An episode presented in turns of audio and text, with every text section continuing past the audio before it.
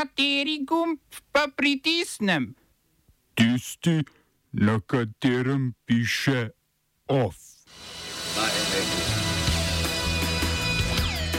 Evropski parlament potrdil ukinitev zastonskih emisijskih kuponov leta 2034.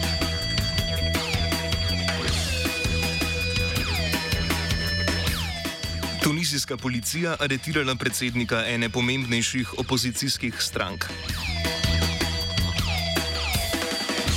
Sindikat kmetov prekinil pogajanja z vlado.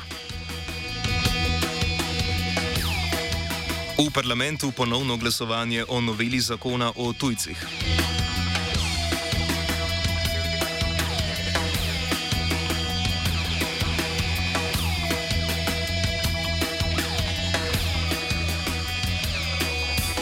Dobr dan, poslušate Radio Student na 89,3 MHz.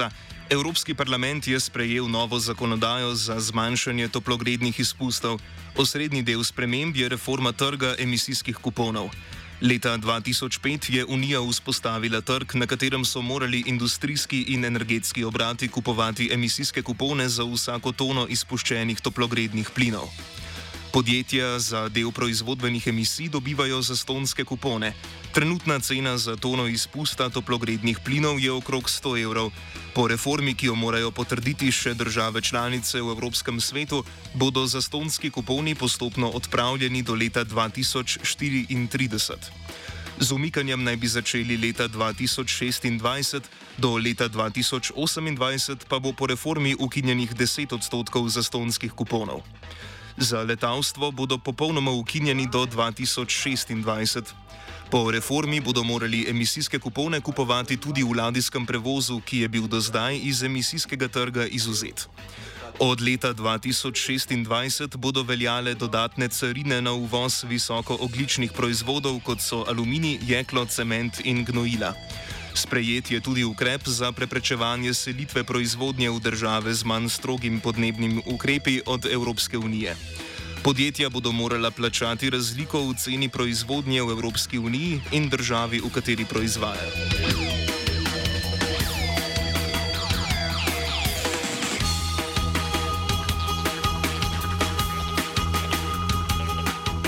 Nevladne organizacije Client Earth, World Wildlife Fund, Transport and Environment in Bund so vložile tožbo proti Evropski komisiji zaradi lanskoletne vključitve zemljskega plina med trajnostne vire energije.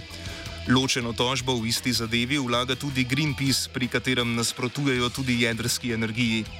Po trditvah nevladnih organizacij zemljski plin ne bi smel biti kategoriziran kot čist vir energije, saj nastanejo oglični izpusti med izgorevanjem, izkop in prevoz pa povzročata tudi izpuste metana. Za začasno vključitev zemljskega plina med zelene vire je lobirala predvsem Nemčija, za opredelitev jedrske energije kot zelene pa Francija.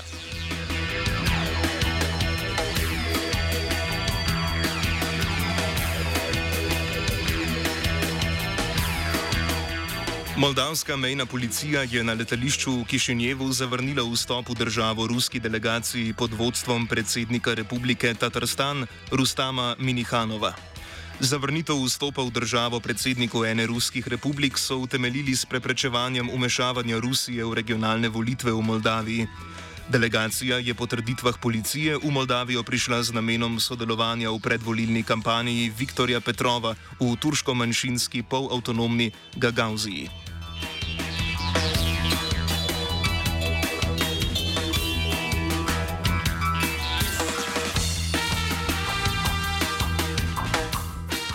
Tunizijska policija je aretirala Rašida Ganušija, predsednika opozicijske muslimanske stranke Enahda.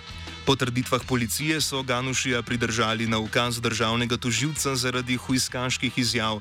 Ganušiju očitajo, da je v soboto na opozicijskem srečanju izjavil, da bi v Tuniziji brez njegove stranke in drugih političnih sil lahko prišlo do državljanske vojne. Nekaj ur po Ganušijevi aretaciji je policija opravila racijo na sedežu stranke Enahda in aretirala še tri njene člane. Od februarja so v Tuniziji aretirali več kot 20 opozicijskih politikov, ki jih obtožujejo delovanja proti državni varnosti. Poleg politikov so zaprli tudi sindikaliste, poslovneže in lastnike radijske postaje Mozaik FM. Tunizijski predsednik Kaj Said je julija 2021 izvedel državni udar z razpustitvijo parlamenta. Od takrat je spremenil ustavo in izvedel nove volitve, na katerih politične stranke niso smele kandidirati.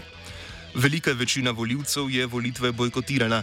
Pred razpustitvijo parlamenta je bila stranka Enahda največja v parlamentu, njen vodja Ganuši pa je nasprotnik Saidovega samostojnega vladanja. Ganušija so zaradi pranja denarja preganjali že lani, vendar je bil na sodišču spoznan za nedolžnega.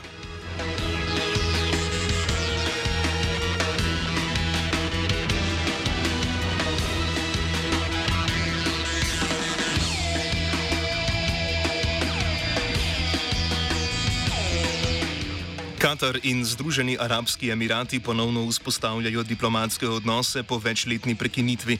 Državi sta namreč napovedali ponovno odprtje veleposlaništev. Združeni arabski emirati so bili del koalicije pod vodstvom Saudove Arabije, ki je leta 2017 z očitki o katarskem zbliževanju z Iranom prekinila vse diplomatske stike s Katarjem in uvedla gospodarsko blokado države.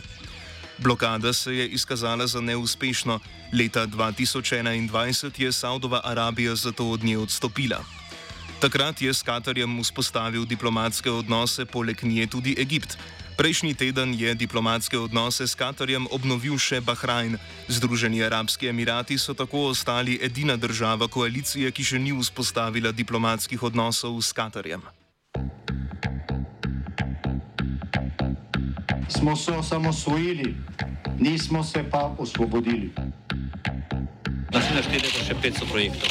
Izpiljene modele, kako so se strani nekdanje LDS rotirali. Ko to dvoje zmešamo v pravilno zmes, dobimo zgodbo o uspehu. Takemu političnemu razvoju se reče udar. Jaz to vem, da je nezakonito, ampak kaj nam pa ostane? Brutalni obračun s politično korupcijo.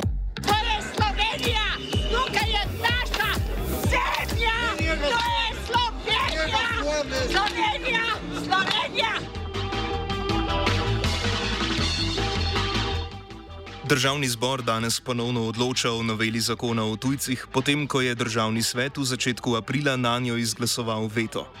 Novela zakona predvideva obvezno znanje slovenščine na ravni A1 za tujce kot pogoj za združitev družine. Za desne pobudnike veta v državnem svetu je bil sporen časovni zamik začetnega uveljavljanja tega pogoja. V zakonu o tujcih je pogoj uvedla vlada Janeza Janše, uveljavo pa bi moral stopiti ta mesec. Gibanje Svoboda in socialni demokrati so z amandmajem začetek rabe pogoja prestavili na november prihodnje leto. 18-mesečno prehodno obdobje so sicer uvedli, da bi se v tem času lahko pripravilo potrebno jezikovno izobraževanje. Če novela ne bo izglasovana, bo obveljala stara ureditev, po kateri bi bili jezikovni pogoji za tujce še strožji. Noveli se sicer obeta podpora poslanskih skupin Gibanja Svoboda in socialnih demokratov, ki imajo skupaj potrebno večino 46 glasov.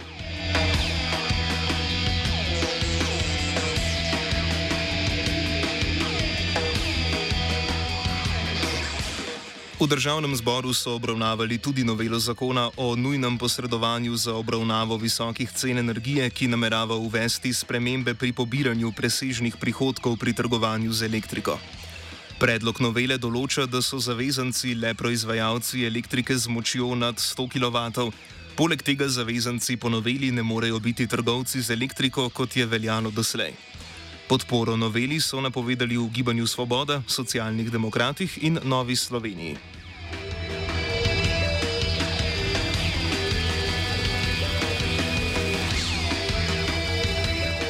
Sindikat kmetov Slovenije je prekinil pogajanje z vlado, ponovno začel vse državno stavko in za 25. april napovedal protest.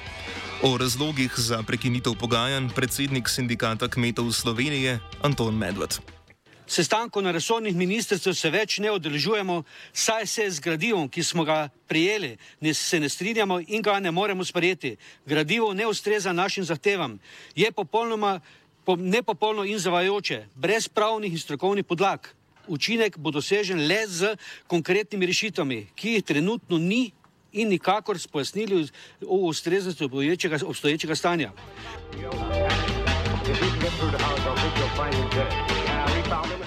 Sindikat ostaja pri zahtevah, med katerimi so izvajanje okoljskih ukrepov dostopnim, dostopnih kmetom, ponovna preučitev in zmanjšanje območij Nature 2000 in preprečitev novega obdavčenja. Medved pojasni tudi povod za ponovno vzpostavitev stavkovnih aktivnosti. Naj za konec izpostavimo še kapljo čez rob, ki je močno ponižala slovenskega kmeta, predlog zakona o zaščiti živali, ki so ga koalicijski partnerji vložili v petek. Kmetje smo tisti, ki se v prvi vrsti zavedamo zaščito živali in ostro obsojamo kakršnokoli mučenje živali. Vendar je popolnoma nespremljivo in nedopustno, da zakon predvideva, da bi živinoreske kmetije postale poligon za izživljanje tako imenovanih aktivistov, pooblaščenih svetovalcev za zaščito živali ki naj bi na osnovi 40-urnega tečaja presojali pravilnost oskrbe živali v oskrbi recev, s tem pa se popolnoma degradira znanje in izkušnje recev ter ostale stroke.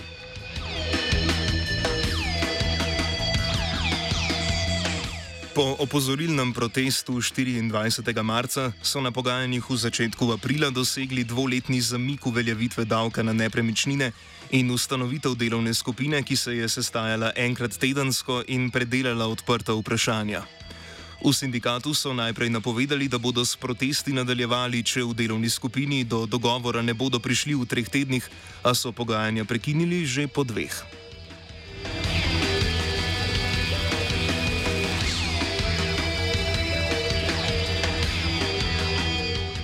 Koperski podžupan in odvetnik Janez Starman je zaradi vožnje pod vplivom alkohola ostal brez vozniškega dovoljenja. Županu Alešu Bržanu je ponudil svoj odstop, a ga je ta zavrnil.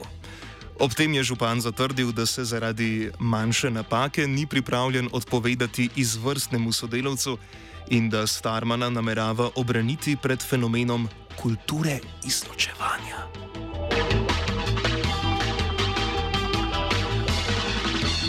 OF je pripravil vajenec Matej, pomagala je Neva.